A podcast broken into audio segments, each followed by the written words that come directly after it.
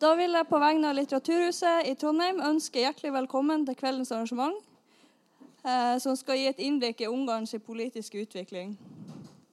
Selv om Ungarn er et lite land sentralt i Europa, er den politiske utviklinga både til skremsel og inspirasjon for flere utover Ungarns egne grenser. Hvordan vil, vi, hvordan vil utviklinga i Ungarn ha eh, Hvordan følger vil utviklinga i Ungarn ha for Europa og EU? Og er høyrepopulismen i ferd med å styrke seg etter flere valgnederlag i fjor? Vi har invitert Georgi Petri, eh, professor i historie ved NTNU, filosof Morten Langfeldt Dahlbakk, kommentator i Adresseavisa, til samtale om Ungarns utvikling. Ordstyrer i dag er Kristian Halvard Nilsen. Da vil jeg bare si, gi dem en varm applaus.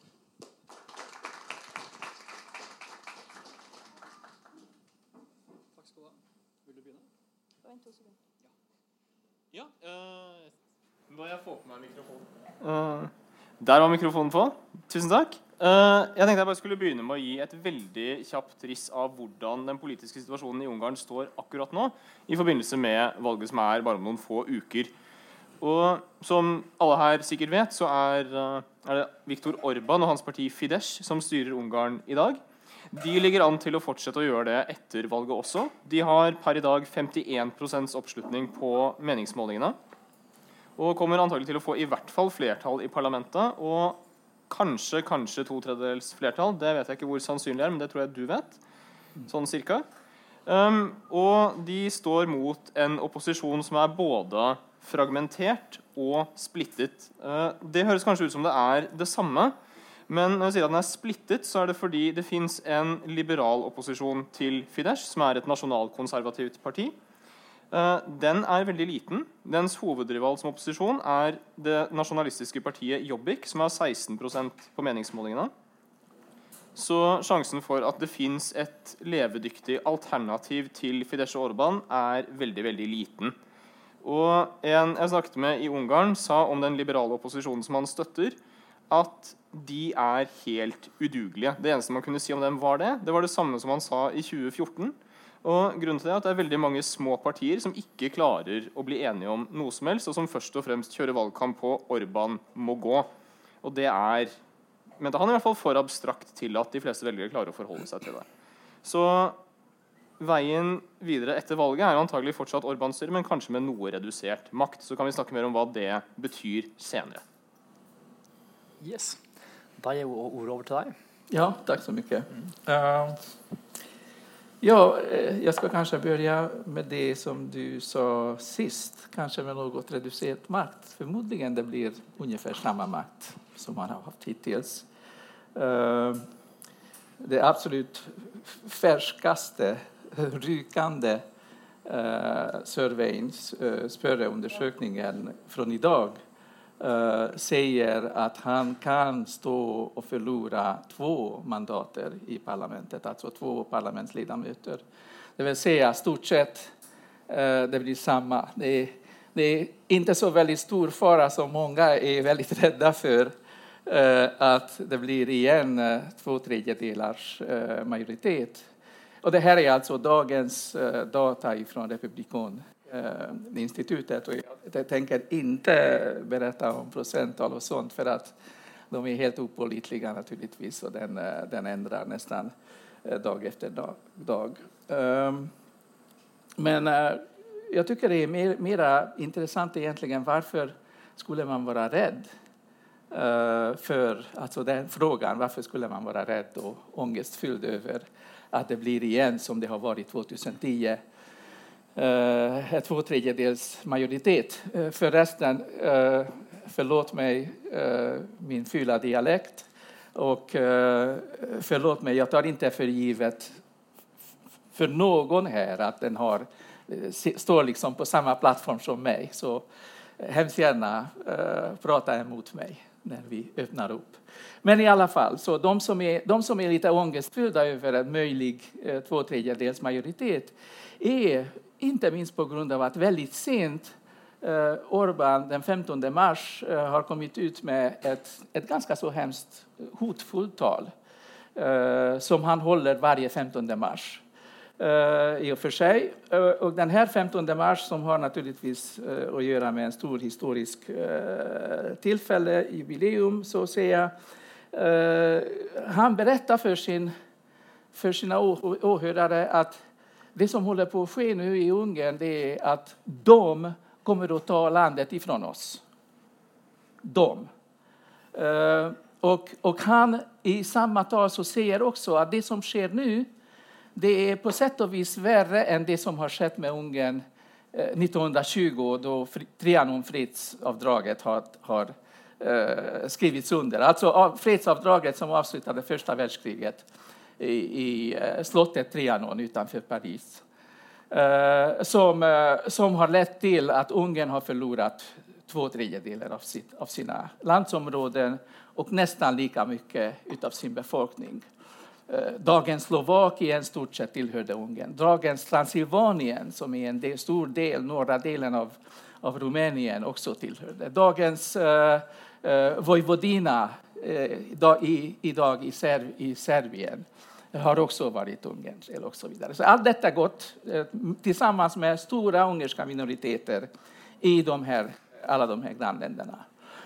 Och den ungerska högerns eh, och den nationala radikala politiska tendenserna detta har varit en historisk tradition ända sedan 1920 att odla en revisionistisk attityd.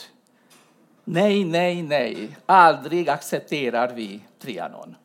Och detta är en trauma som man inte ska bearbeta för att häva sig över, utan en trauma som man ska älta på. Och det kommer, till, kommer tillbaka i och med att Fidesz har glidit eh, på sena 90-talet och särskilt efter förlusten 2002 glidit starkare och starkare eh, utåt höger. Det här är revisionistiska tendenser. Så att han varnar sin publik, eh, inte för länge sedan, 15, det är ju en vecka sedan, att det som sker nu det är ett, en trianon nummer två, fast mycket värre för att, för att eh, nu kommer det in en massa främmande i vårt land eh, som eh, eh, kommer att, och ge, att genomföra en sorts kulturellt folkmord. De, eh, de kommer inte att acceptera våra lagar, de kommer inte att acceptera vår kultur, de kommer inte att acceptera vårt sätt att leva. Eh, eh, de är kriminella, de är jihadister och så vidare. Och så vidare. Får jag lägga till eh, idag Ungern fram till nu, ända sedan den stora krisen, flyktingkrisen 2015, sen vår in till hösten. Ungern har officiellt tagit emot 1294 flyktingar. Eh, man har hört och eh, gått igenom, låtit gå igenom en, en sorts eh, procedur nästan 10 000 människor, varav 1294, har fått flyktingstatus. Okej. Okay. Eh, så detta, detta genomgår och också den idén att det här handlar om en kamp mellan civilisationer. Vi känner den, det temat också. Och sen eh, kommer han till nästan det viktigaste för den lokala eh, befolkningen den stora internationella sammansvärjningen. Och det, det saknas väldigt lite och lägga, man behöver inte ens lägga till för den ungerska eh, lyssnarna eh, i det här fallet. Naturligtvis handlar det om en judisk sammansvärjning. Det är spindel i det stora internationella nätverket som här eh, konspirerar gentemot ungerska nationen Eh, det är ingen annan än George Soros, George Soros eh, den stora finansiären i New York Eh, som har gett stöd till en massa filantropiska, humanitära och så vidare vetenskapliga projekt. Eh, och det är han egentligen som vill... Han, det finns någonting som heter Sorosplan, vilket Soros betvivlar bland annat. Eh, och han har punkt efter punkt tillbakavisat alla de här konstiga påståenden. Ehm, men det finns en Soros-plan som handlar om att stort sett eh, sätta igång, sätta lös en sorts flod utav miljontals människor varje år över Europa för att förinta europeisk kultur eh, och för att främja någon sorts globalistiskt projekt för att han, är en, han, är, han tillhör det här det som han, Orban kallar för världsborgerliga eliten. Alltså en kosmopolitisk elit eh, som, som ger blanka fan i, förlåt mig, uttrycket var folk som har nationella känslor, som, har, som känner för fosterlandet och så vidare, och så vidare som Orban har sagt, eh, vad de tycker och vad de, vad de vill ha. Och, eh, och, och så säger han också att alla som kommer att ställa sig upp emot Fidesz kandidater i denna kommande valrörelse den 8 april, alla de är Soros lakejer. Och det står så här, jag, kan, jag har hela, jag översatt nästan hela eh, talet om ni vill ha stycken av det där. Alla är Soros lakejer. Så att han, han liksom mobiliserar, här är det liksom en fråga om liv eller död och, och också en fråga om att rädda den utvecklingen som äntligen eh, nu har spridit sig utanför Ungern också. Ungern har börjat det hela 2010, sa han. Sen kom Polen, sen kom eh, Tjeckien, Slovakien. Eh, och nu äntligen har vi nått fram ända till då även i USA har man en president som känner mer för nationen än, än för de, de här globalistiska intressena, eh, Eh, kosmopolitiska intressena. Eh, Israel är med oss också. Eh, Öst, I Österrike patrioterna har slagit sig fram. Italien har också bestämt sig gentemot invandringen. Nu gäller det, nu ska vi inte förlora detta. Märk väl, och nu ska jag hålla käft härefter, att Fidesz som parti, Orbán som partiledare och om tilltänkt naturligtvis prolongerad statsminister har inte för denna valrörelse lagt fram något som helst valprogram. Alla de andra lakejer, lakejpartier av George Soros har publicerat 8-15 sidors eh, partiprogram som handlar om hälsovård som, som, som helt håller på att braka ihop, Eh, som handlar om skolväsendet, utbildningsväsendet, handlar om stora viktiga politiska frågor som ungrare borde vara väldigt intresserade av.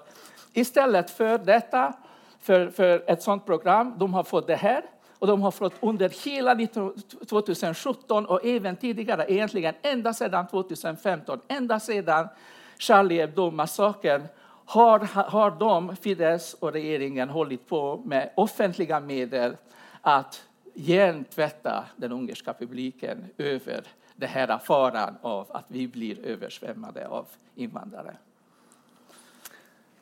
Beklagar. Det gjorde jag. Tack.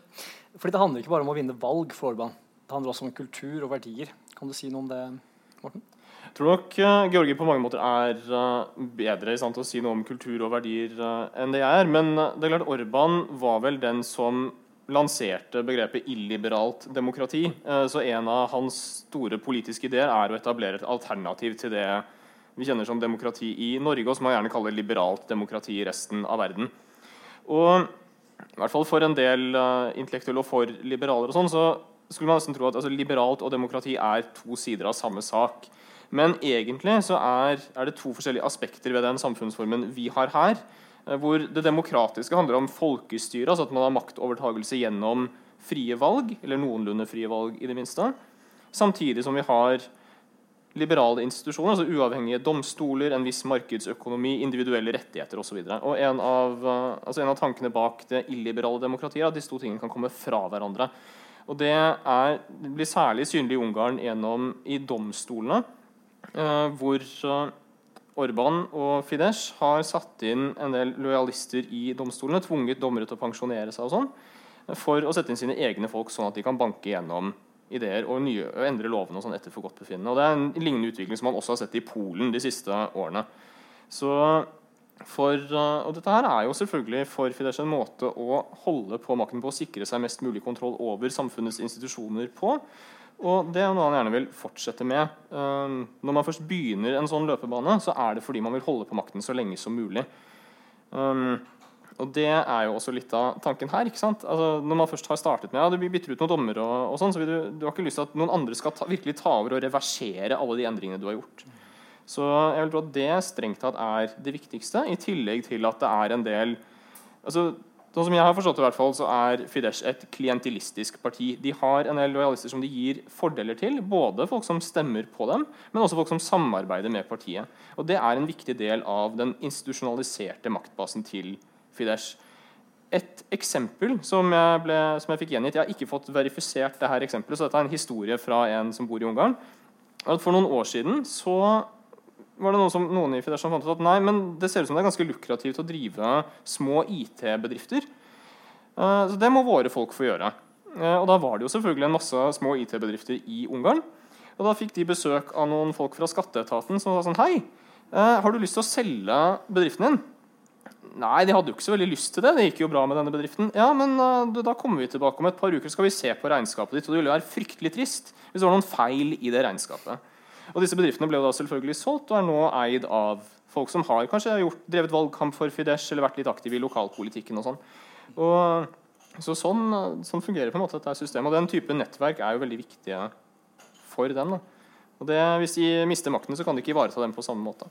Riktig, så det er mye mer på spill for dem enn i et vanlig valg? Ja, det handler jo ikke bare om makt og at man skal få gjennomslag for en konkret politikk, og sånn, men å ivareta en ganske sånn møysommelig oppbygd maktbase. Riktig. Som også har kostet fryktelig mye penger, selvfølgelig. Mm. På andreplass i meningsmålingene så har vi jo uh, det mer høyreradikale partiet Jobbik. Hva kan du si om det partiet? Ja, uh, de kaller seg for nasjonal, nasjonalradikale. Det her har vært et parti som i begynnelsen Eh, 2006-2007 så har de samarbetat en, en mera gammaldags, uh, egentligen fascistiskt parti som heter uh, Ungerska livets och sanningens parti. Uh, och det, vilket namn också resonerar väldigt starkt med fascistiska partinamn från 1930-talet. Men i alla fall, det där var en gammal, ett gammalt parti, alltså gamla männens parti som Istvan Churka och liknande. Eh, och eh, eh, de har haft, eh, om jag minns rätt, i alla fall en eh, ganska så misslyckad valrörelse tillsammans med dem. Men i samband med rabalderna 2006 till 2008 så har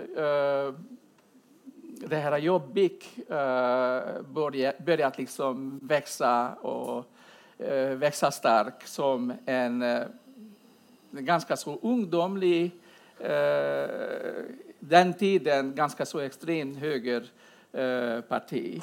Eh, eh, starkt etnonationalistisk, antisemitisk eh, och eh, eh anti-Roma eh, parti.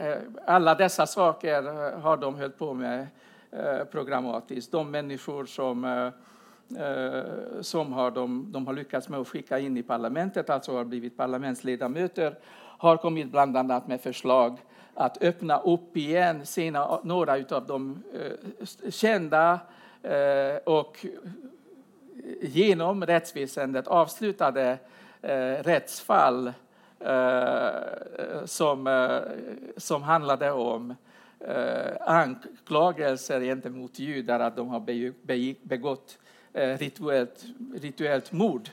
Eh, alltså från sena 1800-talet, där har, har en seriöst en eh, Fidesz parlamentsledamot ställt sig i parlamentet och sa att det här fallet ska tas upp och ska igen utredas och, och fällas dom, dom i samband med det.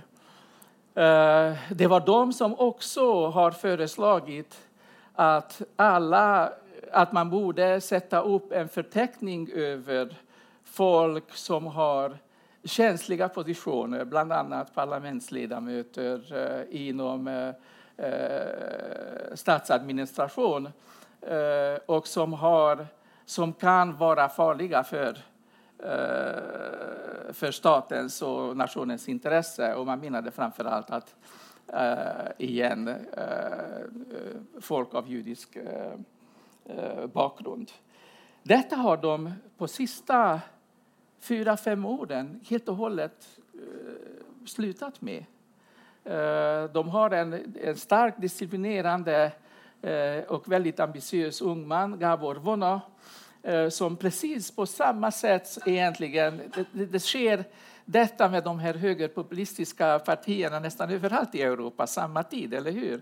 Eh, så har det skett under eh, Marine Le Pen med från National. Det är därför hon sparkar ut sin egen pappa, för att han var, han var den personen med stor mun som har gjort Front National mindre än salonfähig, gång efter gång. Så hon sparkade ut honom från ledande positioner, men stort sett ifrån överhuvudtaget partipolitik. Eh, och eh, eh så att säga eh, shaped up eh, FN. Precis på samma sätt har skett, förlåt mig om jag trampar på någon står, men det är precis samma sak har skett med Framstegspartiet i, i detta land, eller hur? Eh, då och då, naturligtvis, som man säger på ungerska, hästfoten kommer fram från under eh, de fina kläd, den fina klädseln som härom sist eh, har vi eh, eh erfarit med, med Silvi Listhaug. Eh, men, men stort sett liksom, de verkligen starkt disciplinerar sig och vill visa sig att de är europeiska kultiverade, civiliserade partier, det vill säga de är redo för demokratiskt utbyte, att ingå i en demokratisk politik och de vill slå sig fram på, i, i, inom de demokratiska ramarna. Det är det som sker, har skett med, med Vonas eh, parti. Och än så länge eh, har, han, har han varit framgångsrik. Eh, detta har också att göra med att, att Jobbik är en, en ungdomsparti, till skillnad från Magyarélet és igazságpártja, ursäkta mig, den ungerska livets och sanningens parti. Jobbik är unga, framförallt unga männens parti. Eh, och de är unga bildade män.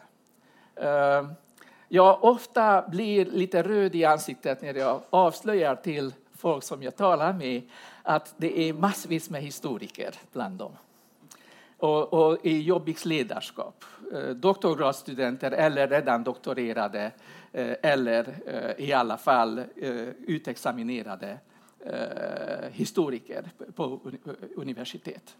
Så det här är en, en speciell sorts klientel och de är naturligtvis antiglobalister, Eh, eh, starkt gentemot både den, eh, den liberala och socialistiska blocket utav partierna, men också gentemot den korrupta maffiastaten jag kan kalla, för, kalla den för kompisstat. Den, den, har också kommit fram. Det finns en massa benämningar på den här staten. Eh, det här eh, typ sociala politiska ordningen som Orbán har byggt upp. Eh, de, de är också väldigt kritiska gentemot det. Så Vona, Vona faktiskt har ett program. Och han, för det första han vill bygga upp ett, ett väldigt professionellt eh, minister, en regering, alltså väldigt professionellt orienterad. De som gör ekonomisk politik ska kunna sin nationalekonomi och så vidare. Och, så vidare. och har ett ett ganska så radikalt antikorruptionsprogram som är väldigt populärt för att folk är väldigt trötta på korruption. Och korruption är, eh, är en sorts cancersjuka som faktiskt sprider sig väldigt snabbt. Det är väldigt svårt att ta hand om det. Och den har spridit, metastasen har varit ganska framgångsrik i, i, det, i det ungerska fallet. Jag vet inte om ni har följt eh, Transparency International, men inom den rankningen uh, Ungern nu bland eh, de Europeiska unionens länder, uh, det är bara Bulgarien som är värre. Och det är de sista två åren Ungern har fallit åtta platser nedåt i abyss, i avgrunden. Så står det till.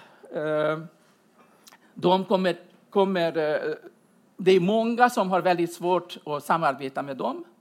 Det är bland annat därför det finns fortfarande inte eh, alternativ. Det tar en hel del ansträngning för eh, folk på liksom mera center eller lite vänster om center eh, delen av det politiska spektrumet att kunna tänka sig överhuvudtaget att samsas med Jobbik med tanke på dess förhistoria. Men jag tycker att med tidens gång förmodligen redan nu kommer att finnas en hel del så kallad ätsauvage Alltså röst, att, att man lägger röster över partigränser trots att man själv har eh, lojalitet till en viss parti. När man ser däremot att, att eh, alternativet till Fidesz kan bara komma fram ifall man röstar på en annan kandidat, särskilt i de så kallade individuella distrikterna.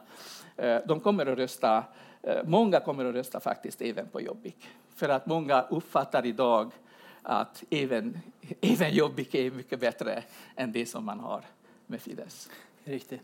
Vi begynner å nærme oss eh, pause, men hadde du noen kommentarer til det Jørgen sa her? Ja, jeg vil egentlig bare supplere litt, fordi uh, Vi snakket litt om illiberalt demokrati og sånn i stad. Det er klart at Korrupsjon og klientelisme er jo én del av det. Uh, men for uh, et par måneder siden så kom en årlig rapport som ble laget av The Economist Intelligence Unit, som rangerer demokratier i verden. Og Ungarn var, Det er masse forskjellige indikatorer der. altså Bl.a. ytringsfrihet, politisk frihet, frihet til å organisere seg og sånne ting. Og Ungarn gikk ikke bare nedover på alle de rangeringene på hver indikator, de var også nesten lavest i Europa.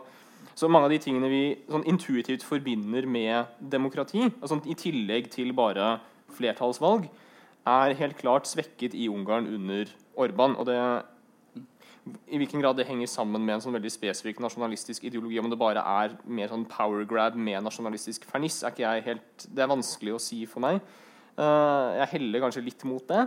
Men uh, det, det, kan vi snakke mer om etterpå. Jeg vil bare supplere med dette, for det betyr noe når man sier liksom, dette er et Da starter vi opp igjen. Og jeg vil begynne med et spørsmål. Uh, det spørsmålet handler om identitetspolitikk. Og eh, vi, Tror du vi vil se um, en større appell og bruk av identitetspolitikk blant også um, høyresiden i Europa?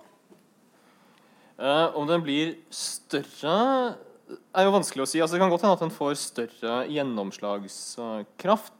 Um, det er klart at et, altså, normalt så forbinder man jo identitetspolitikk med enten den litt sånn radikale venstresiden eller den ytterliggående høyresiden, som er opptatt av liksom, den etniske identiteten til folk i nasjonen som skal bevares og styre og, og, sånne ting.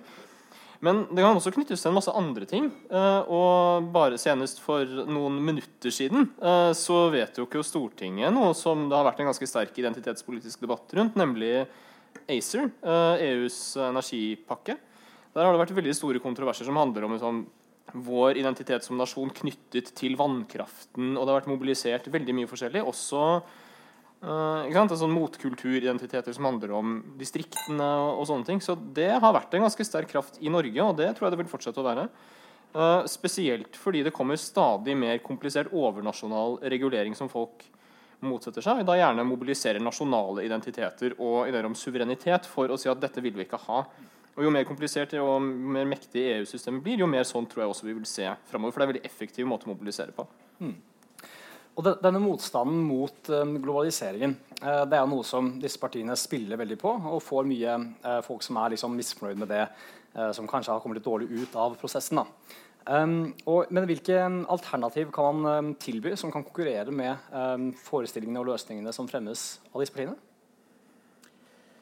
Okay. Jag kan, jag, måste, jag, jag, jag, kan, nej, jag kan försöka ta det lite grann. Och det är säkert du har mm. också mycket att säga om det. Uh, jag tänker ofta på...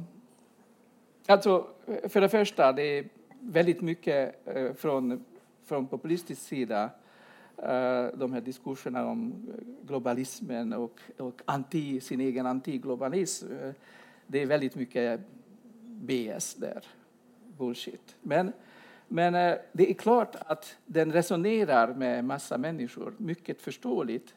Eh, för att många som känner sig eh, liksom lurade, eh, övergivna. Eh, så det finns klart, det är därför eh, den typ av politik resonerar med med, med, stora massor.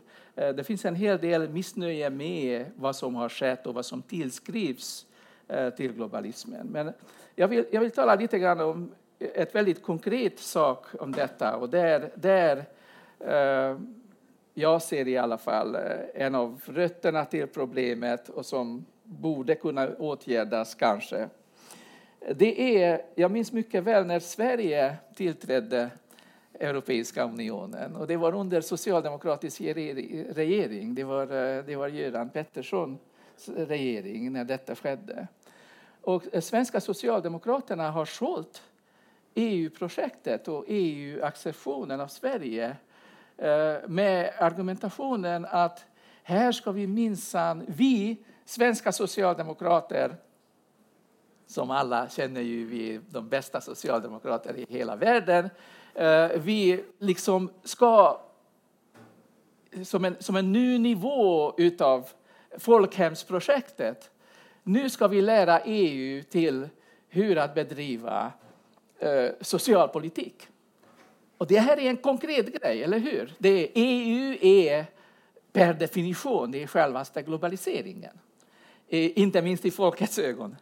Eh, alltså, de har utlovat någonting ganska så storslaget, att de ska ta med sig eh, sitt socialdemokratiska synsätt och sin eh, så att säga, kompetens, hög kompetens i termer av att bygga eh, socialpolitiska institutioner, ett socialt nät och så vidare som kommer att kompensera, motverka, till och med omöjliggöra all den sociala utslagning som vi ser världen över som det globalistiska Eh, projektet och globalismens framgång eh, har medfört. Vad har skett i det avseendet? Jag kan inte se så mycket. Faktiskt, ingenting har skett nästan. Det som sker inom EU, att man fördelar och omfördelar en väldig massa pengar. Förvisso går det till länder som behöver mer än till länder som behöver mindre, i princip. Men i praktik, ofta det som sker med de här pengarna är, eh, alla ungrare kommer att förstå vad jag säger, lenjujak. Eh, det vill säga, de, de, eh, de knycker det, de, de skäller bort. Det går in i till exempel i det här klientelsystemet eh, som, eh, som du har talat om. Eh, den här typen av oligarkiska, eh, semifeudalistiska regimen eh, som byggs liksom från top eh, down. Eh, där, där eh, så att säga, man, man förpliktar de som är under en till att göra gentjänster genom att erbjuda ekonomiska fördelar. Och vilket är väldigt dyrt. Och det blir väldigt intressant att se vad som sker när de här resurserna kommer att sina eh, vad som sker i ett sånt här eh, maffiastat. Eh, som, som. Så jag tycker att där borde man kunna ta några steg tillbaka och titta på ja, vad som har skett med det här projektet. Varför har vi, alltså som EU, har blivit... Kanske är det för sent redan, jag vet inte. Det har en dålig känsla, en ångestfull känsla att det är för sent. Men att, att vi har inte gjort tillräckligt mycket för att bygga upp Eh, det här eh, sociala, socialt orienterade globalismen. Att EU-medborgarskap ska inte bara vara en ekonomisk medborgarskap, att man kan fritt kan eh, själv resa och ta upp arbete i alla länder, alla, alla de andra länderna. Eller tvärtom, företag som kan komma till dig och anställa dig i länderna på grund av att du har mycket lägre löner och så vidare. Och så vidare. Kapital, utan, utan att det ska också vara ett starkare socialt medborgarskap som, som inbe, inbegrips av eh, EU-medborgarskapet. Att du tar med dig eh, det här, de här rättigheterna eh, och, och som kan motverka Eh, den här eh, enorma eh, frustrationen eh, och uppgivenheten som råder i, i EU. Ja, altså sånn, Kort replikk til det du sa først. Altså, jeg tror nok det kan være noe i det med at den sosiale siden av EU ikke har vært sterk nok.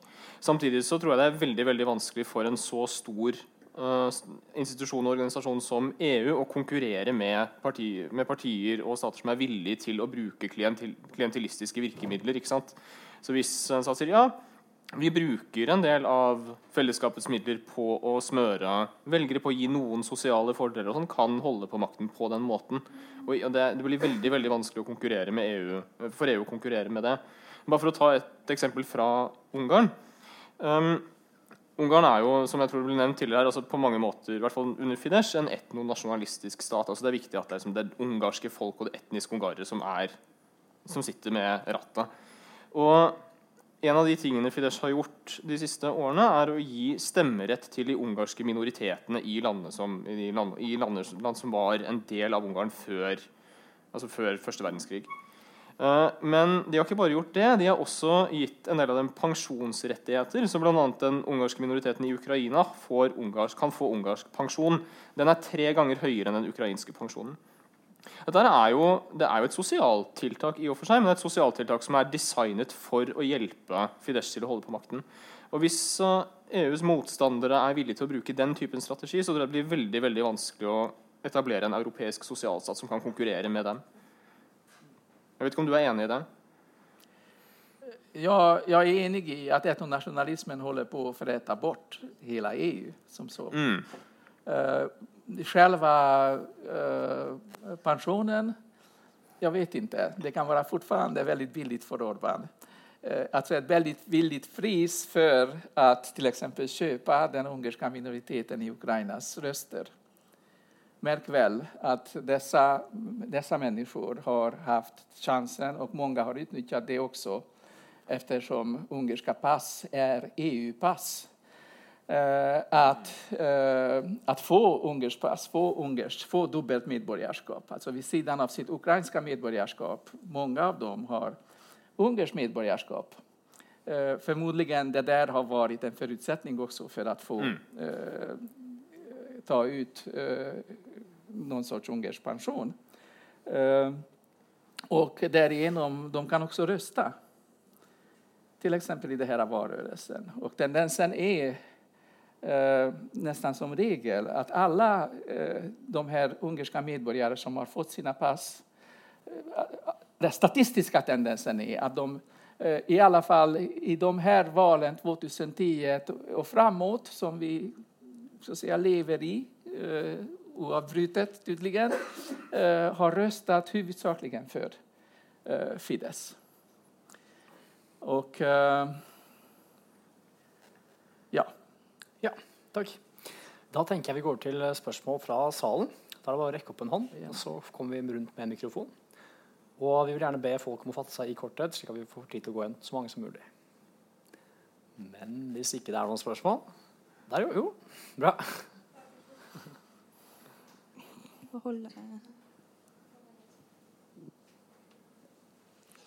Ja, takk for uh, interessant, uh, interessante innlegg.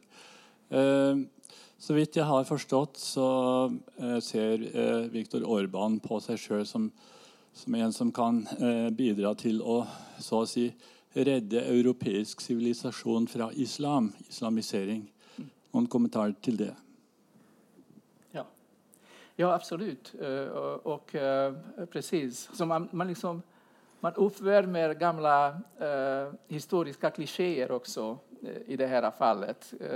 1500-talet, det ottomanska riket, har ju gjort en ganska stark framstöt till de centraleuropeiska områdena. De har till och med har, har försökt seriöst att ta sig in. De var under Wien Eh, och eh, de har ju knapprat åt sig en tredjedel av, av Ungern. Och du, du kan se faktiskt att, att de flesta av de så att säga, kristna kulturer i de här östcentraleuropeiska och sydosteuropeiska länderna, samhällena, de har en, eh, en sorts själv, historisk självbild att de har varit eh, vaktare utav den kristna eh, civilisationen. De stod emot eh, den muslimska eh, utmaningen. Eh, och den, den upprepar sig nu men inte bara upprepar sig på det sättet att det är här vi står, att, att jag har byggt det här eh,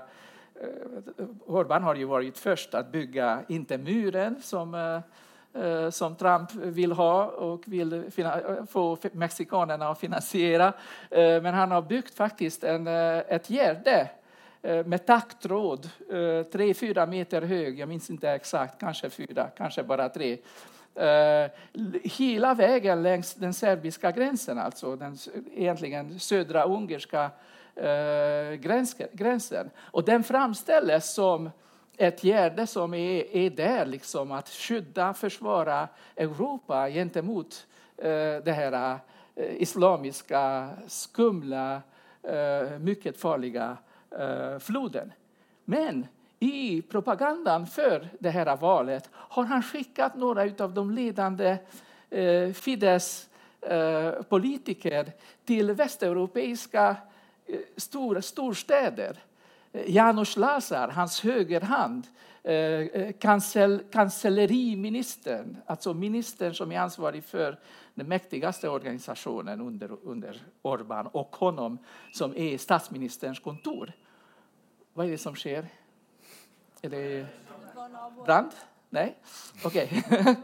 uh, eh, han, Lazar har gjort en, en videoklipp mitt i Wien i en distrikt där det är relativt många invandrare, eh, huvudstaden av Österrike. Och där stod han och där såg man liksom eh, tjejer i hijab och så vidare. Och så vidare. Och han berättar, här är det smuts, här är det skit. Här är det folk som jag försöker tilltala på tyska och de inte kan, ens kan svara. Är det det här du vill? vände han sig till ungerska eh, eh väljaren. Precis samma sak eh, Fidesz ledande EU-parlamentariker Tamás Deutsch, han eh, åkte till Bryssel och producerade precis samma jävla demagog eh, fuskklipp. Klart, herregud. Eh, I Trondheim kan vi... Eh, In, ingenting är lättare än att tuta ihop ett sån här typ av hotbild eh, med prat och genom att Eh, filma några eh, stackars eh, afghanska, pakistanska, somaliska eh, eh, flyktingar. Eller hur?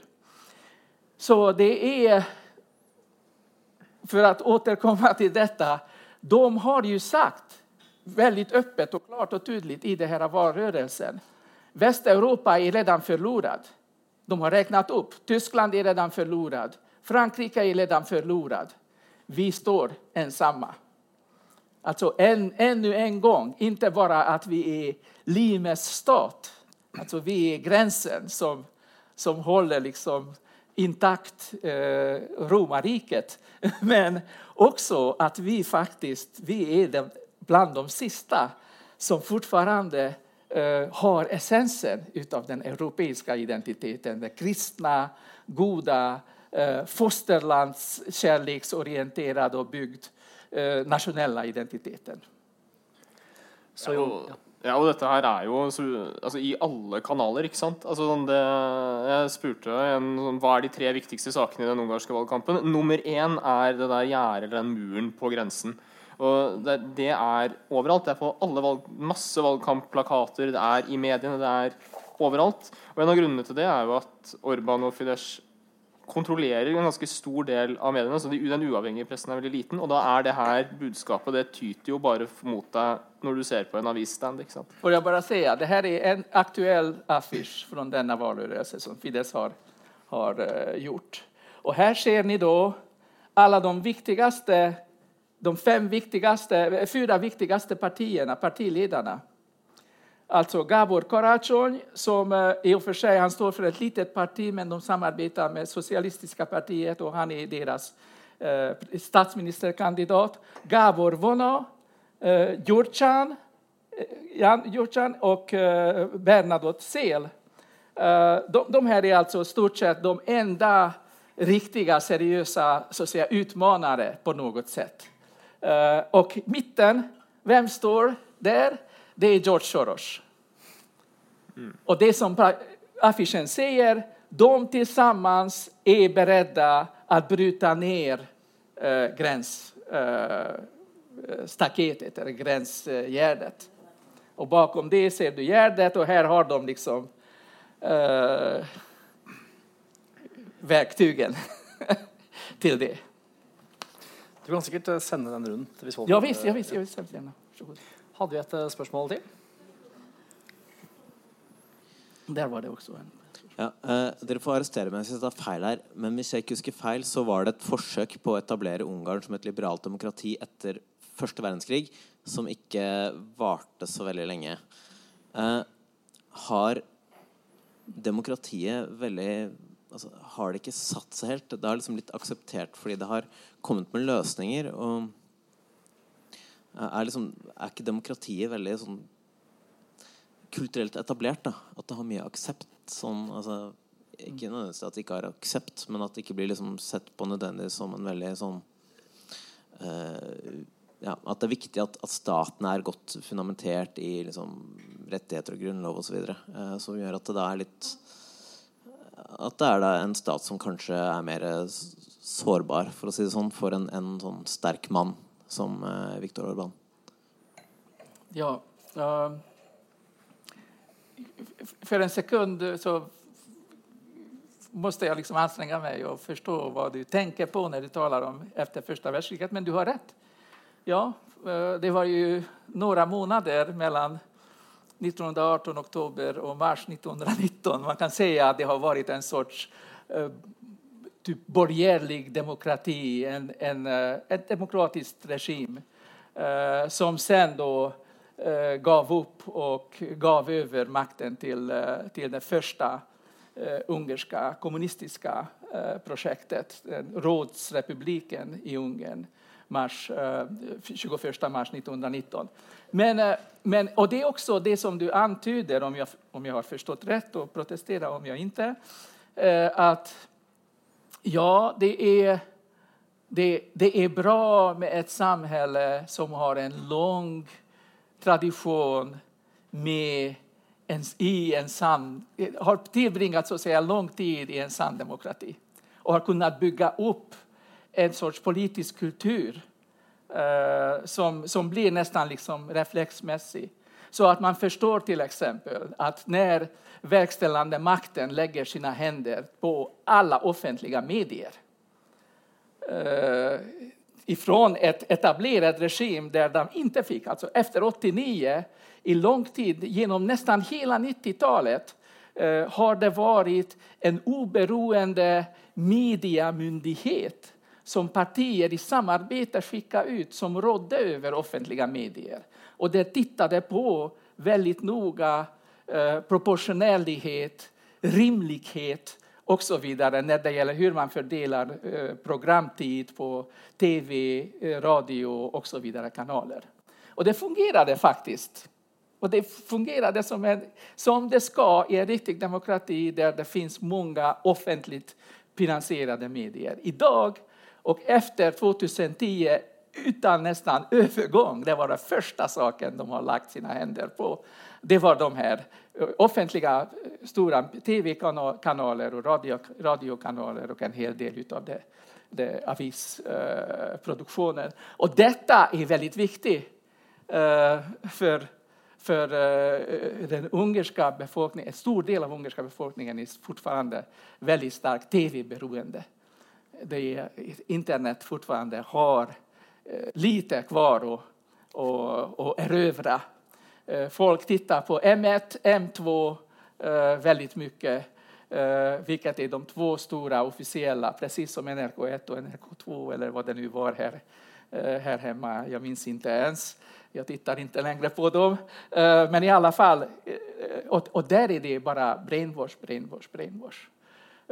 Och detta, att, att det har skett, att det har brutits ner, detta är ett demokratiskt, ett samhälle som har en demokratisk politisk kultur och tradition, och det, det, står starkt, de här värderingarna, det borde ha liksom uppmärksammats ordentligt och folk borde inte, skulle inte acceptera det. Och där, där har du det, så att man liksom finner sig. Jag, jag, jag, är enig i att när man saknar den här kulturen så mycket lättare att folk finner sig i, och man, att man accepterar den typ av eh, maktmissbruk Eh, som bland annat eh, förstör eh, checks and balances eh, och också mediernas autonomi. Mm. Men det har väl också varit, alltså efter 90-talet så varit några ganska stora tillitsbrudd mellan befolkningen och regeringen och det politiska systemet. Alltså bland annat da Orbans forgjenger innrømmet att ja, jag har faktiskt varit kommunistisk spion en gång i tiden. Det var väl noe sånn, uh, var det en ja. skandale knyttet til det. Det er klart, Selv om man har en demokratisk uh, kultur, så kan tror jeg, sånne tillitsbrudd kan i hvert fall gjøre det mer, altså lettere for folk å akseptere eller se bort fra at ting, andre ting begynner å gå galt, f.eks. med mediene.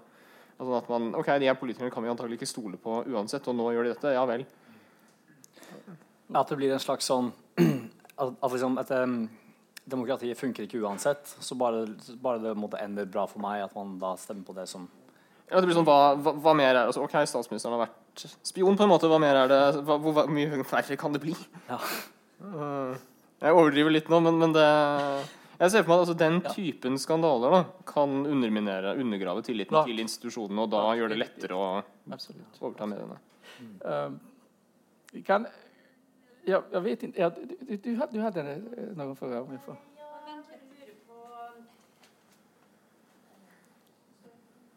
Jeg lurer på hvordan den eh, økonomiske situasjonen og utviklinga er i landet. Fordi eh, det kan jo også være en måte å sikre oppslutning på hvis eh, befolkninga opplever økonomisk framgang. Det høres jo ut som rene Sareptas krukke her, hvordan man deler ut til og med mm, til folk som bor utafor landet. Hur hvordan er den økonomiske situasjonen? Ikke spesielt bra, tror jeg man kan uh, si. Altså, det er jo en pensjonskasse man kan dele ut fra, men den er jo ikke, det er ikke Sareptas krukke, for å si det sånn. Um, Ungarn er litt spesielt fordi arbeidsledigheten er ganske lav, uh, omtrent som i Norge. Uh, men den økonomiske veksten er veldig dårlig. Jeg tror I fjor så var det noe sånt som 1,8% vekst i bruttonasjonalproduktet. og Det betyr at det skapes veldig få nye jobber. Um, og, altså, I Norge så er det, er det nå 2,5% eller noe sånt. Nå. Vi har jo vi har plukket alle de lavthengende økonomiske fruktene allerede. Det skulle man ikke forvente at Ungarn har. Altså, der er det stort potensial for å effektivisere landbruket, for å bygge opp nye industrier. Altså, det er en masse ting som kan gjøres der, som man allerede har gjort i Vest-Europa. Uh, bare se på Polen, for eksempel, som har hatt en økonomisk vekst som er opptil tre ganger så høy som den har vært i Ungarn. Uh, det burde Ungarn også ha klart, men det har de ikke gjort. Så det betyr at folk folks økonomiske situasjon står mer eller mindre på stedet hvil. Uh, I hvert fall sånn som jeg har forstått det. Så der er det nok, Hvis noen klarer å komme med et overbevisende økonomisk program og få formidlet det gjennom mediene, da, som kanskje er en, stor, er en stor utfordring her, så er det nok et visst potensial. i hvert fall. For Folk er misfornøyde med den økonomiske situasjonen.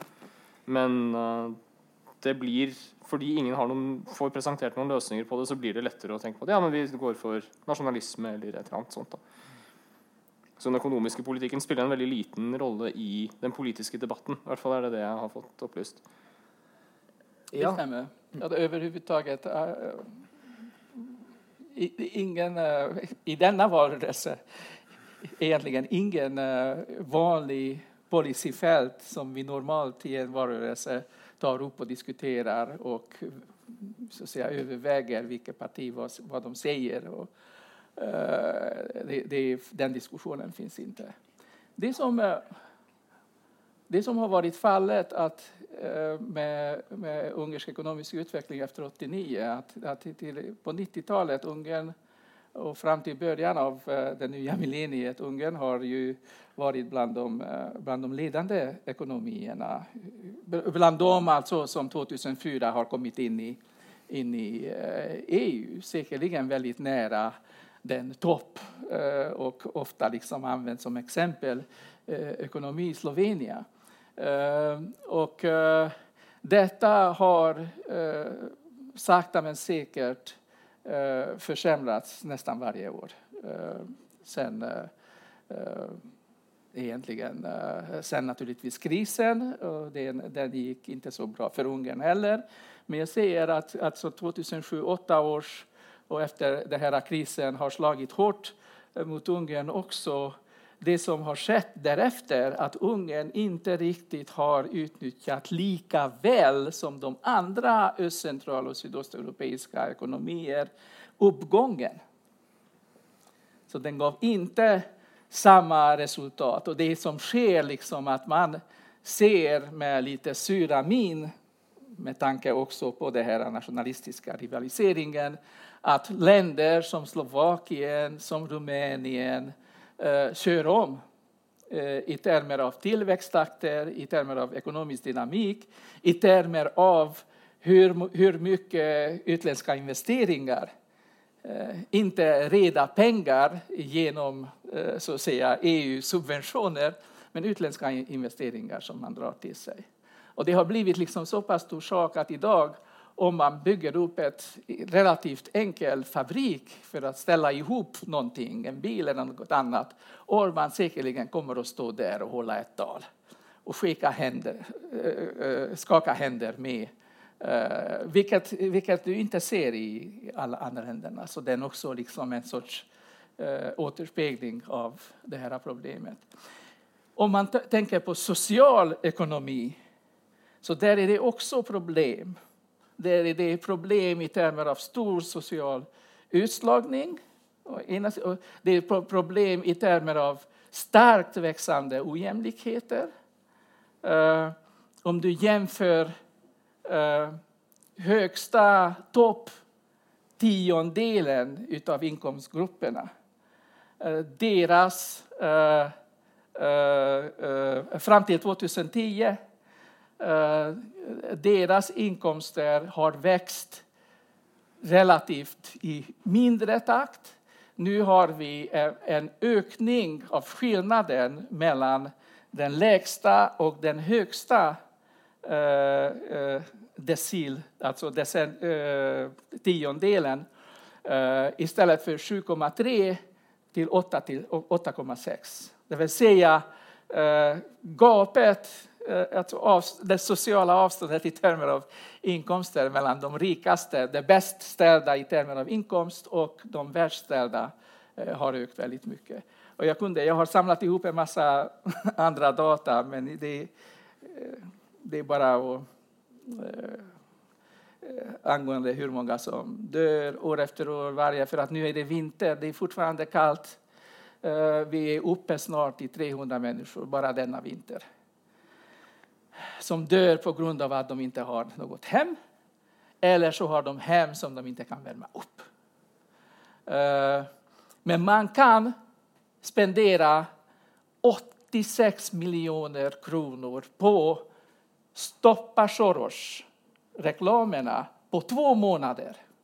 På två månader. Och ger pensionärer som lever på ingenting, äter te och kex hela dagen. De ger julvoucher för 10 000 forint. 300 kronor. Det, så är det. Och den, det här är en, en, eh, en politisk klass vilkas, vilkas representanter öppet sa du är din lyckas smed, Lazar Janos sa det. Du är din lyckas smed. Om du misslyckas, det talar om vilken loser du är. Du förtjänar det.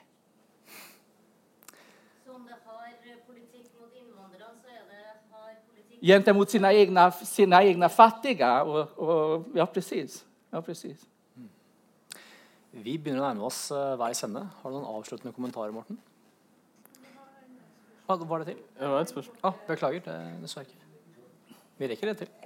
Mm.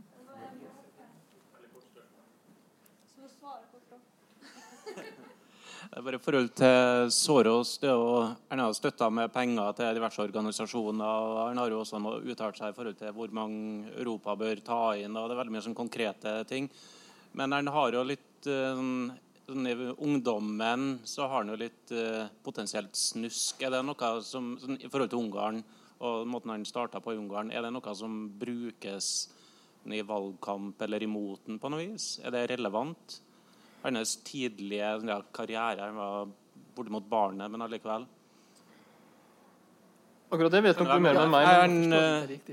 Ja, han, Beklager. Jeg vet ikke veldig mye om det, men så vidt jeg har forstått det, så har han vel skodd seg litt på Ungarn i etterkrigstida. Stemmer det? Nei? Jeg forstår ikke. Hva, hva, hva var det? Hvordan skulle Erik? Ja, Hvis, det, okay, da Korrupt? Å! Oh. Ja. Soros var en överlevande av Holocaust. Ja, han, han, hela hans familj har dödats. Ja. Han, han var, stannade kvar i Ungern fram till 48 och han promenerade bort genom Österrike, Österrike till, över till Österrike och, och så hamnade i England där han fick sin utbildning och började sin karriär. Okej, okay, då är det att jag har fått någon felinformation. Men, så, det är... men däremot jag kan säga Orban har varit kommunistisk ungdomsorganisationssekreterare. Laszlo Kövér, presidenten av ungerska parlamentet, har varit, har varit inte bara kommunistiska ungdomsorganisationens grundorganisationssekreterare. Han har också varit han har också varit faktiskt medarbetare i centralkommittéapparaten. Det jag har uppfattat är att eh, Soros klarade sig för att han blev mer eller mindre adopterad av en katolsk familj eller något, att han där, kom sig undan. Att han överlevt? Ja, ja nettopp. Ja. Mm. Och att han då ja, var med och tjänat några pengar på några hus från andra som... Det är möjligt det inte stämmer, det är något jag har hört. Jeg lurer på om det er noe som brukes imot den, at han på noe vis har vært i ungdommen oh, en landsforræder? Det, det, är en enorm flora av, uh, av uh, inkriminerande historier om Soros. Ja, kjenner du til noe av det? Hans, hans anf... Ja. Okay. Ja.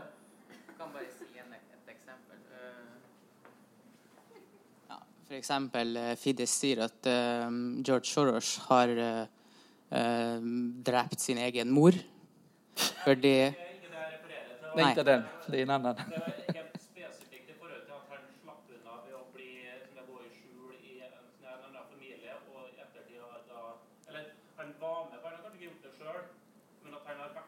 Vet du om detta?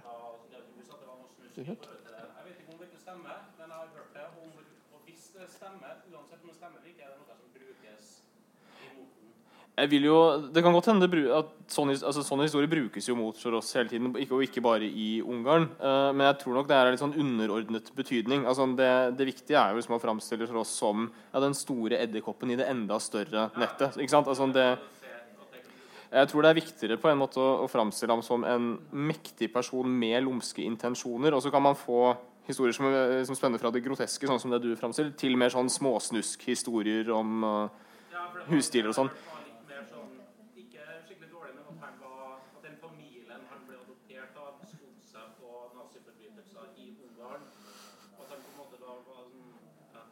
Den historien er ny for meg. og Jeg vil si at eh, det, er liksom, det, det, er, det, er utrolig vanskelig å skille Clinton fra hveten når det kommer til opplysninger om Soros. Det, det, er jo litt det som blir problemet også. Ja, hvis, hvis, han har sagt det selv, så er det jo noe helt annet. Den er jo ikke hans feil på en måte at han valgte feil familie. Så, så nei, det blir jo Men det vil ikke være rart hvis det blir brukt mot den. Det får jag säga väldigt kort.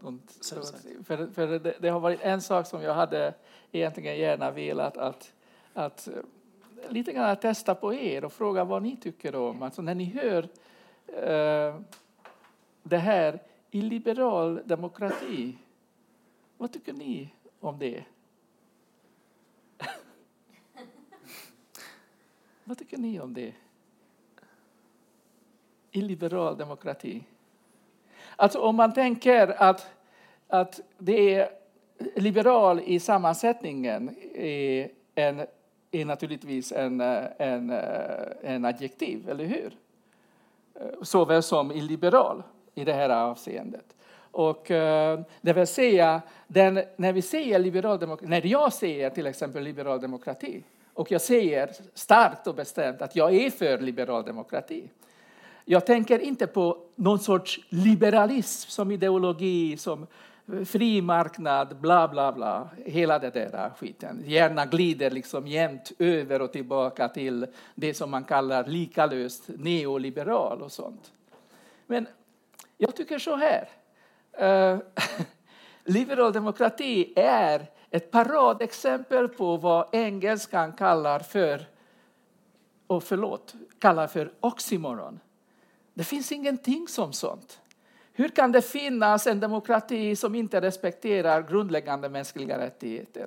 Hur kan det finnas en demokrati där man ger blanka fan i att skydda den enskilda personens integritet, dess jämlikhet, jämställdhet inför rätta och så vidare. och så vidare. Dess olika grundläggande medborgerliga rättigheter. Vad talar vi om? Och jag vet exakt vad vi talar. Ja, förlåt.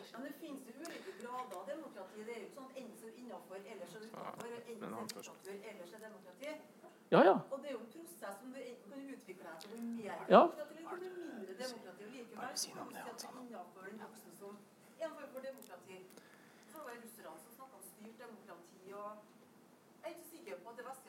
Ja, jag, jag för mig är det ett annat fall utav en oxymoron, styrd demokrati. Jeg tror Morten hadde en kommentar på det. Ja, men eh, han eh, meldte seg ganske tidlig, så Ja. Förlåt. Ja. Ja, eh, altså det her, Nå åpner vi jo på en måte en helt ny debatt, kanskje, men eh, veldig veldig interessant debatt, egentlig, det her. her. Eh, og noe som på en måte angår liksom eh, hele verden på en måte nesten i dag. Da. Altså, vi ser voldsomme oppbrudd i USA. ikke sant? Daglige kamp på kniven, på strupen. Eh, om, eh, om vad liberala liberale eh, individet mot eh, eh, kollektivet. Jag antar att eh, f.eks. Viktor Orban han är också, han också mycket påverkad av eh, kommunistisk eh, tankegods från barndomen och ungdomen. av. och tänker i kollektiv, tänker i nationen som helhet. medan Västeuropa, eh, i kanske Merkel, Tyskland, eh, Eh, Frankrike, Storbritannia Det har vært et slags sånn liberalt demokrati Vår hvor individet har på en måte blitt kjørt så langt frem at nationen nasjonen er blitt satt litt til side for det her EU-prosjektet til Soros og kompaniet. Jag jeg hadde kunnet tenkt meg hørt litt hva, hva dere mener om det här her med det her blokken som nå har oppstått i Øst-Europa av Ungarn, Polen, Tsjekkia, Slovakia osv. Eh, flere land som står sammen for på en måte å stramme opp Merkel og stramme opp eh, Rette opp det her liberale demokratiet som har spilt litt, litt fallitta, kanskje, kan du si. Eh, Det er i alle fall veldig fortvilelse også her til lands. Du ser det helt inn på Stortinget i dag. da, hvor eh, virkelig eh, Nå er det hele problematikken med Utøya og sånn på nytt igjen. ikke sant? Vil du si noe om det, Morten? Jeg kan prøve. Eh, jeg skal bare come clean med en gang og si at jeg er eh, veldig proliberalt demokrati, og jeg er ikke enig i at de har spilt eh, fallitt. Når det er sagt, så, tror jeg det blir litt misvisende å si at Visegrad-land, altså Polen, Slovakia, Ungarn og sånn, strammer opp Tyskland og Merkel. Jeg tror de er mer en det er mer enn et irritasjonsmoment, men en sånn plageånd for EU som helhet. eh, som motsetter seg f.eks. For forsøk på å lage en velfungerende flyktningpolitikk for hele EU. Som bl.a. Tyskland som gikk inn for før de startet med den åpne dør. Eller velko Vær velkommen-politikken. Ehm, det er jo sånn som altså, Ungarn og også Polen og Slovakia motsetter seg på det sterkeste. De vil ta imot så få flyktninger som mulig, selv om strømmen er stor. Og fordi EU er såpass konsensusbasert, så er, blir den typen uenighet veldig veldig vanskelig å håndtere. Det er også vanskelig å, for EU å rette sanksjoner mot dem. Uh, eh, så jeg tror det er mer en sånn rolle de spiller. altså at De er en allianse som på den siden vil drive med sin egen illiberale demokratigreie, men på den andre siden også blokkerer en masse initiativer innad i EU som, og frustrerer de andre landene der. Så jeg tror Det er mer det de gjør, enn at de strammer dem opp. Det er Tvert imot så fører de til noe mer polarisering innad i EU og tregere beslutningsprosesser og, dårlig, og mer, mindre effektiv politikk. Ja da. Altså, det, her kom det jo sterke uttalelser. Eh, altså, vi ser jo nå i Vest-Europa at det, faktiskt faktisk er veldig mye opposisjon mot den politikken som har vært ført i, eh, senere år. Vi ser i Østerrike, eh, eh, den nye kansleren der.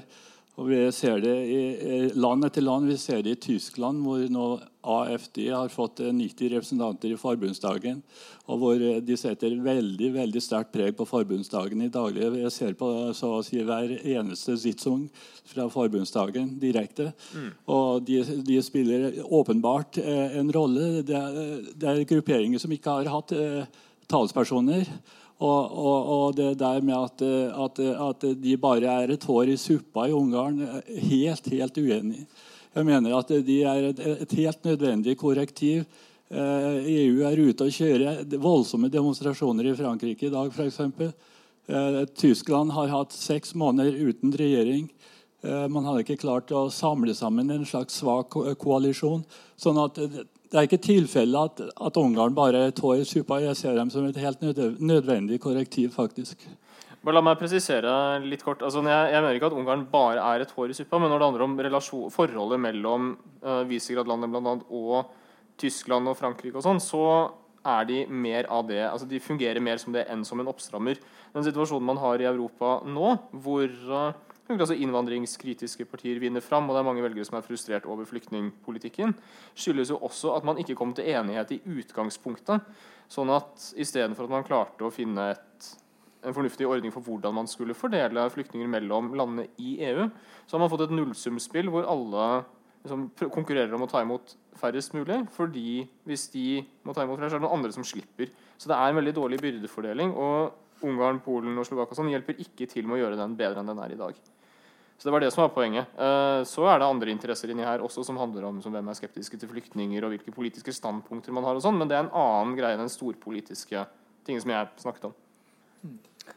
Ja, jeg, er, eh, jeg er enig i att, att det är kris. Alltså det som du uh, räknar upp, ja, det är där och det är kris. Och uh, det, är, det är till stor del det är den liberala demokratins kris. Ja, det är också sant. Eh, uh, nödvändigt korrektiv. Jag är djupt oenig. Behöver vi ett, ett tredje världskrig börja i Europa? Behöver vi krig? Behöver vi imperiala projekt? Behöver vi Ryssland ta över de här småsketna etnonationalistiska staterna igen? Dra in i sina sfärer som faktiskt en process som redan har påbörjat. Var inte naiv. Eh, eh, det, var, det behöver vi inte. Alltså det, om det är någon poäng med att vi studerar historia och för, försöker förstå oss på historia, det är att gå emot det att det ska upprepa sig. Och jag tycker att det inte, jag, och därför vill jag inte kalla det för nödvändigt korrektiv. Jag kallar det för en kris. Ja, och i den bemärkelsen naturligtvis den innebär vissa korrektiva tendenser. Men åt vilket håll det går, det är inte riktigt bra nu. Och man måste göra någonting åt det. Och det, krisen till stor del, jag skulle inte tillskriva till liberaldemokratin, det är inte liberaldemokratins fel så att säga, att allt detta sker.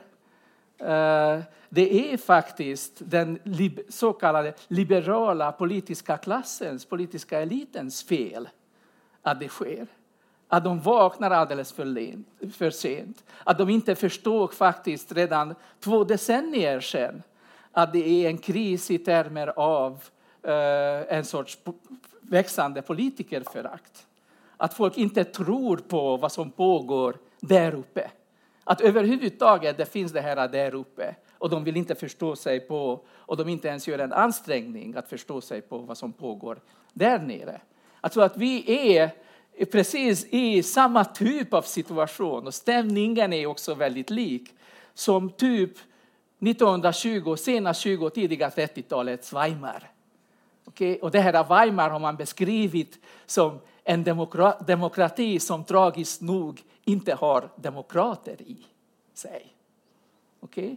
Och den tragedin av Weimardemokratin eh, att den tappades bort för att den har varit liksom en sorts socialpolitisk elit som, som inte brydde sig särskilt mycket hur det går för eh, de flesta och inte var responsiv till deras behov, till deras problem och så vidare. Det, det ser jag även idag, om du tittar på den senaste lilla segern för den, där, den konservativa demokraten i USA.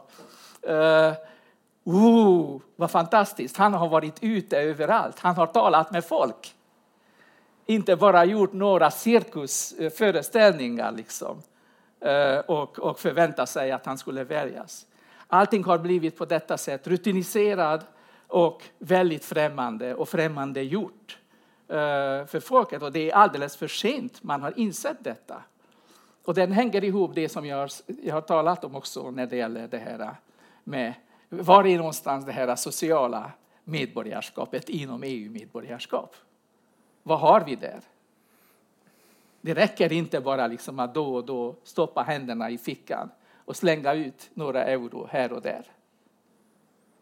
Det når nästan aldrig faktiskt heller adressaten.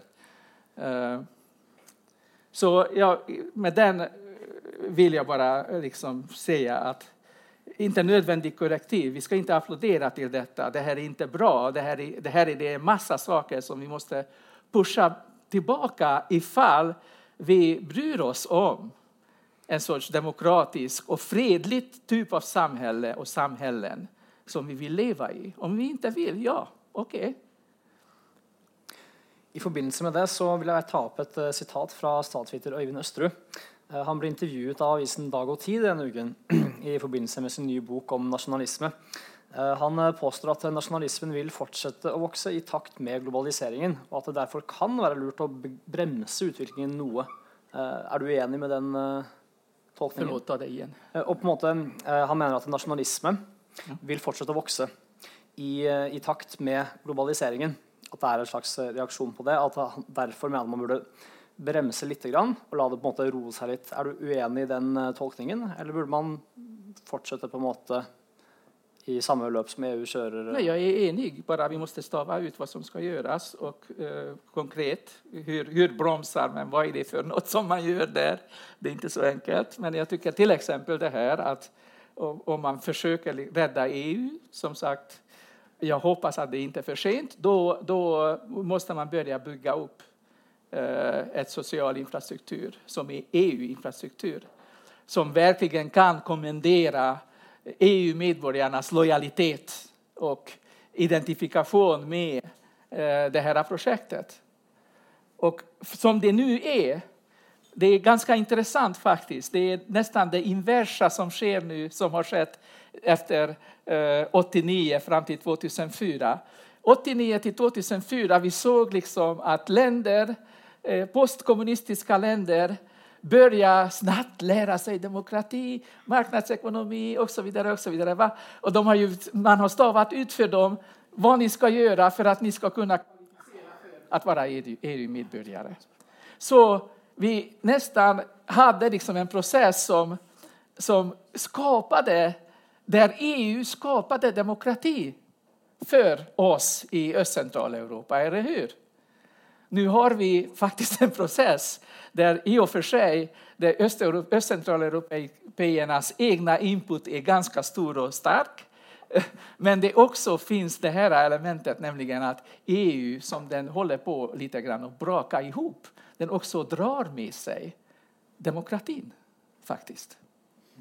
Så den två saker hänger väldigt mycket ihop. Det går väldigt, väldigt svårt att argumentera och föra poli effektiv policy så att man samtidigt säger vi skiter i det här EU, vi låter den liksom bara gå och, och rasa som det gör, nästan av sig själv. Uh, uh, men, men vi försöker liksom rädda demokratin. Det, de två saker hänger idag ihop. Vill någon rädda demokratin? Man, man måste försöka rädda det europeiska projektet också. Tycker jag. Hva tenker du, Morten? Ja, nei, jeg tenker nok noen litt, på en måte litt kjedeligere tanker, da. Men uh, det er sånn når uh, Østerud sier sånn Ja, vi må gå saktere med globaliseringen for å motvirke nasjonalisme. Altså, det, man må liksom spørre sånn Hva betyr det å gå saktere med globalisering? Altså, hva innebærer det egentlig? Er det noen som er motstandere av globalisering, er imot handelsavtaler. Noen er imot EU-forordninger. altså Noen er imot FN. altså hva, hva, er det egentlig dette her betyr? Uh, og en del av de måtene man kan, Har du en presisering ja, fra ja, han, kanskje? Det har jeg. Det har jeg um, han nevner tre grunner til, ja. uh, til at protestpartiene i Europa vokser. Uh, det første er åpne grenser. Det andre er større grad av både kulturell og økonomisk utrygghet. Og det tredje er at, eh, økonom, at, eh, avgjøringer politiske blir flyttet til internasjonale organer som velgerne ikke kan påvirke. Det er det han konkret mener med globaliseringen, da, som fører til voksennasjonalisme. Ja, og da må man nok nesten altså, gi et litt sånn differensiert svar på hva, hva er det som er viktig her? Det første er jo ok, du har eh, Protestpartiene vokser uh, fram. og sånn, altså La oss si at man får mindre globalisering og mindre overnasjonalitet, så de får mer kontroll over sine land. Altså, vi har snakket om, om Ungarn og den økonomiske situasjonen der. Er den god? Altså, vil det være bra hvis man gir de her protestpartiene mer, sånn at de får mer innflytelse? Nei. Uh, og noe av grunnen til det er jo nettopp at de her partiene motsetter seg forente, enhetlige markeder. F.eks. i Europa. De motsetter seg handelsavtaler og sånn. som det, og det er ganske klart, det tjener man på. Da. Det er bra for økonomien i et land å inngå handelsavtaler og være del av et større regulert marked. Så den delen av globaliseringen ok, Kanskje hvis du bremser det, så får disse her mindre innflytelse igjen. Men så spørs det er det verdt prisen i eventuelt tapt økonomisk vekst. Da? Så det er snakk om arbeidsplasser som ville ha blitt skapt hvis man hadde gått med på det, de kommer ikke i det hele tatt. Så når det kommer til overnasjonale organer altså, Jo, der er det nok det er kjent at Særlig EU er jo eksperter på å lage massive pakker med regler. Altså er, den, bare den nye finanslovgivningen i EU tror jeg er på nå husker jeg ikke om den er på 2 eller 20 000 sider, men det er en av de to. Eh, og det er fryktelig mye lover og regler som ingen klarer å få ordentlig oversikt over. Så sånne ting, ja, det kan man godt roe ned litt på. Og jeg tror også uten å tape så fryktelig mye. Så spørs det om folk egentlig bryr seg om det. da. Ehm, um, og det er som åpne grenser. Det er ingen som har åpne grenser. Um, det, mitt inntrykk er at de fleste protestpartiene er bekymret for flyktninger, ikke i så stor grad for innvandret arbeidskraft, med unntak av Storbritannia, som er veldig redd for polske arbeidsinnvandrere. Og så, så er det sånn hva, Skal man stenge grensene for innvandrere? Det tror jeg det er veldig få som syns er etisk forsvarlig. Da. Uh, også det kan man si det er en for høy pris å betale for å dempe de her protestpartienes vekst. Og Det mener jeg det er et spørsmål man må stille hele tiden. Ok, Vi er bekymret for protestpartier, vi er bekymret for populisme, og sånn, men er prislappen for å stagge dem for høy? Det, det spørsmålet bør man også stille seg når man mener at det er viktig å begrense globaliseringen, f.eks. Har du en siste kommentar, Georgi? Nei, jeg tror ikke det. Nei. Har du flere spørsmål? Ja.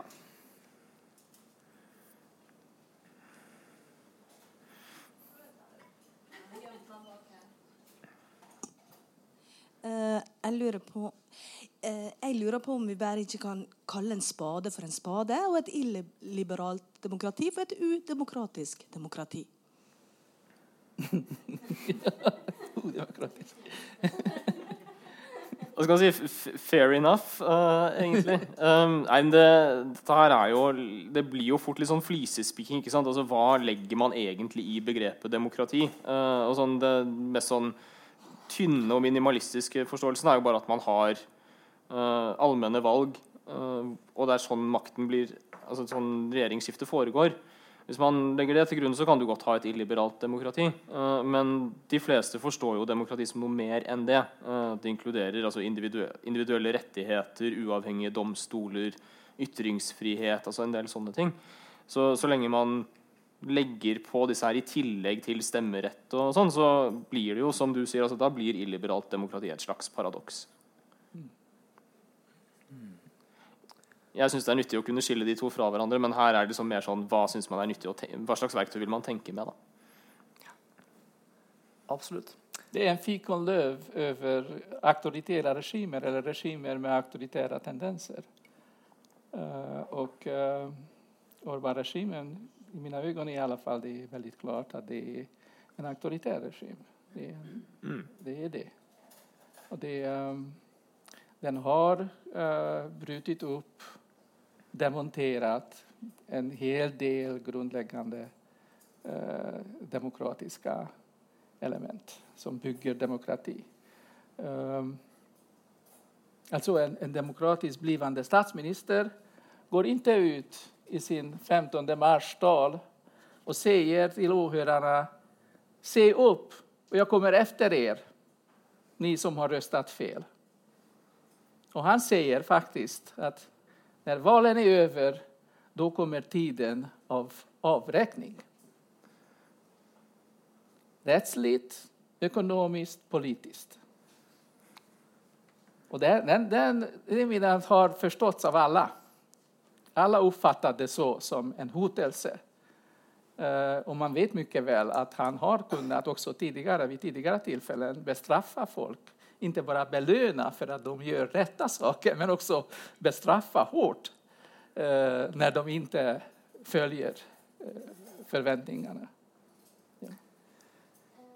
ja, bare sånn hjertesukk. Fordi de For oss som ikke ønsker et illiberalt demokrati, da, så syns jeg jo eh, de som er motstandere av eh, høyrepopulismen, heller ikke har de store svarene for tida. Og at eh, det går på altså Hillary Clinton som kaller Trump-velgerne for 'deplorables'.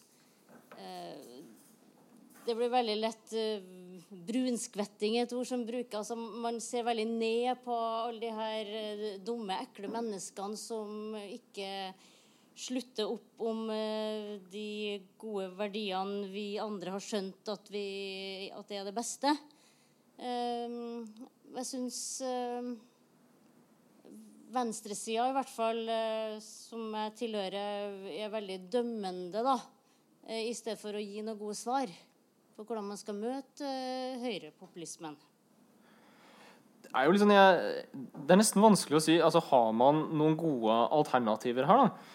Um, man kan på den ene siden som høyrepopulister, altså sånn også de som tilhører den, den fløyen i Norge altså, Man spør liksom, hva er det de ønsker seg, og hva er, de, hva er, det de, trenger? på en måte Noen mener jo at de først og fremst trenger altså, bedre økonomiske muligheter, og at det er mindre ulikhet i samfunnet. og sånn. Uh, det er litt usikkerhet om det stemmer. Det er noe man eventuelt kan gjøre noe med.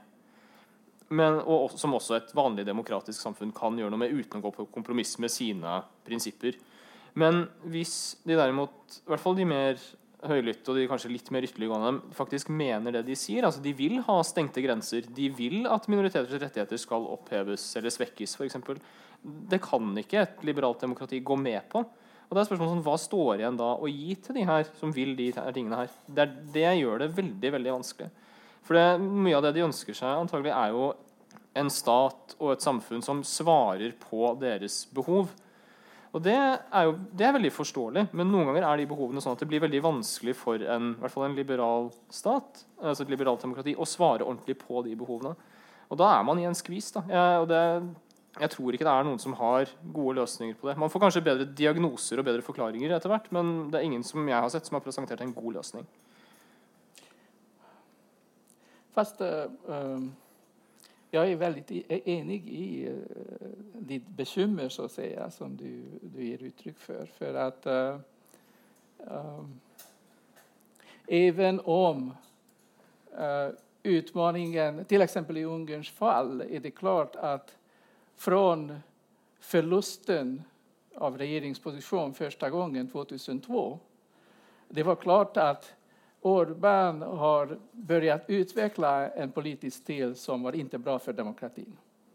Han gick ut, den första saken efter valresultaten som var negativa för honom eh, var att han sa fosterlandet kan inte vara i opposition gentemot sig själv. Det har varit en demokratiskt vald regering där. Pardon? Det, om man är, man är i opposition i en demokratisk regim. Man, man gör inte så. Alltså man inte absolutiserar sin egen eh, roll som om en stod för fosterlandet, de andra gentemot. Eller hur? Eh, och den typ av antagoniserande, splittrande, ofta gåendes till det extremt vulgära, triviala typ av politisk stil uh, som, som inom kort uh, gjorde uh, till och med samtal i Budapest med vänner, några av mina vänner och så vidare, otrevlig och ledde till uppbrott av vänskap och, och goda bekantskap. det tycker jag är hemskt. Och det är, det är frätande för en god demokratisk ordning. Och, och jag, jag uppfattar det så som kommunikation mellan olika positioner som artikuleras som politiska positioner i, på ett legitimt sätt, vilket innebär att ingen position uh, går ut på att förinta den andra, till exempel. Uh, att, att det ska finnas kommunikation mellan dem oavsett om de sitter i opposition eller eh, sitter i regering. Eh, det måste pågå, en give and take måste pågå. Politik måste handla, demokratisk politik måste handla om att man skapar någon sorts konsensus. Att man letar efter, istället för att leta efter vad som skiljer oss, leta efter vad vi kan komma överens om. Så att vi kan ta några steg, så att säga, tillsammans framåt. Och det är, där går skillnaden mellan det här konsensusskapande som jag tycker är självaste definitionen vad en liberal demokrati är för något, gentemot den totalitära varianten. Där det går ut på att det finns ett parti som säger jag sitter inne med sanningen och nu har jag blivit invald, till och med fått två, två tredjedelar och nu ska jag dra ner över ert huvud allt som jag tänker är rätt. Og med det tenker vi det vi runder av. Eh, klarer vi å avslutte med mer på en positiv eh, tone? Eh, det, etter både jeg, jeg, sa sist nå og det han sa nå, så er det kanskje litt uh, vanskelig. Jeg, hvis jeg skal, det, mest positive jeg kan klare å si nå, er i hvert fall at i, vi i dag og kanskje de siste par ukene har eh, fått eh, en lekse her hjemme om liksom, hvordan man ikke skal gjøre ting når det kommer til å fronte politikk som møter litt sånn populistisk motstand. Nei, jeg tenker ikke på eh, Sylvi Listhaug-saken, men på ACER. Som har møtt minst like mye motstand og hatt, i hvert fall i sosiale medier og i en del mediekanaler og sånn. Når man skal implementere den typen komplisert politikk som folk oppfatter som det her kommer veldig ovenfra og ned Noe av det verste du kan gjøre hvis du ikke vil ha populistisk motstand, det er å ikke kommunisere noe om det i det hele tatt. Her, det, altså sånn, her, er, her, har man virkelig en sånn worst case scenario for den typen politikk som folk som Orban og veldig mange andre motsetter seg fordi det kommer utenfra og er, virker, og er overnasjonalt og vanskelig. Nå kan vi i hvert fall lære hvordan vi ikke skal gjøre det. Og Det kulminerte vel i Stortinget i dag. Så la oss håpe at vi i hvert fall kan lære noe av den historien. Og så er det, det mest, dessverre det mest positive jeg har å si i kveld. Den er god. Eh, selvsagt blir det også debatt om ACER her på Litteraturhuset. Det blir hvilken dato? Det tar vi etter hvert. Følg med på sosiale medier. Takk for at dere kom. Tusen takk til Georgi. Tusen takk til Morten. Takk, Tusen takk for meg.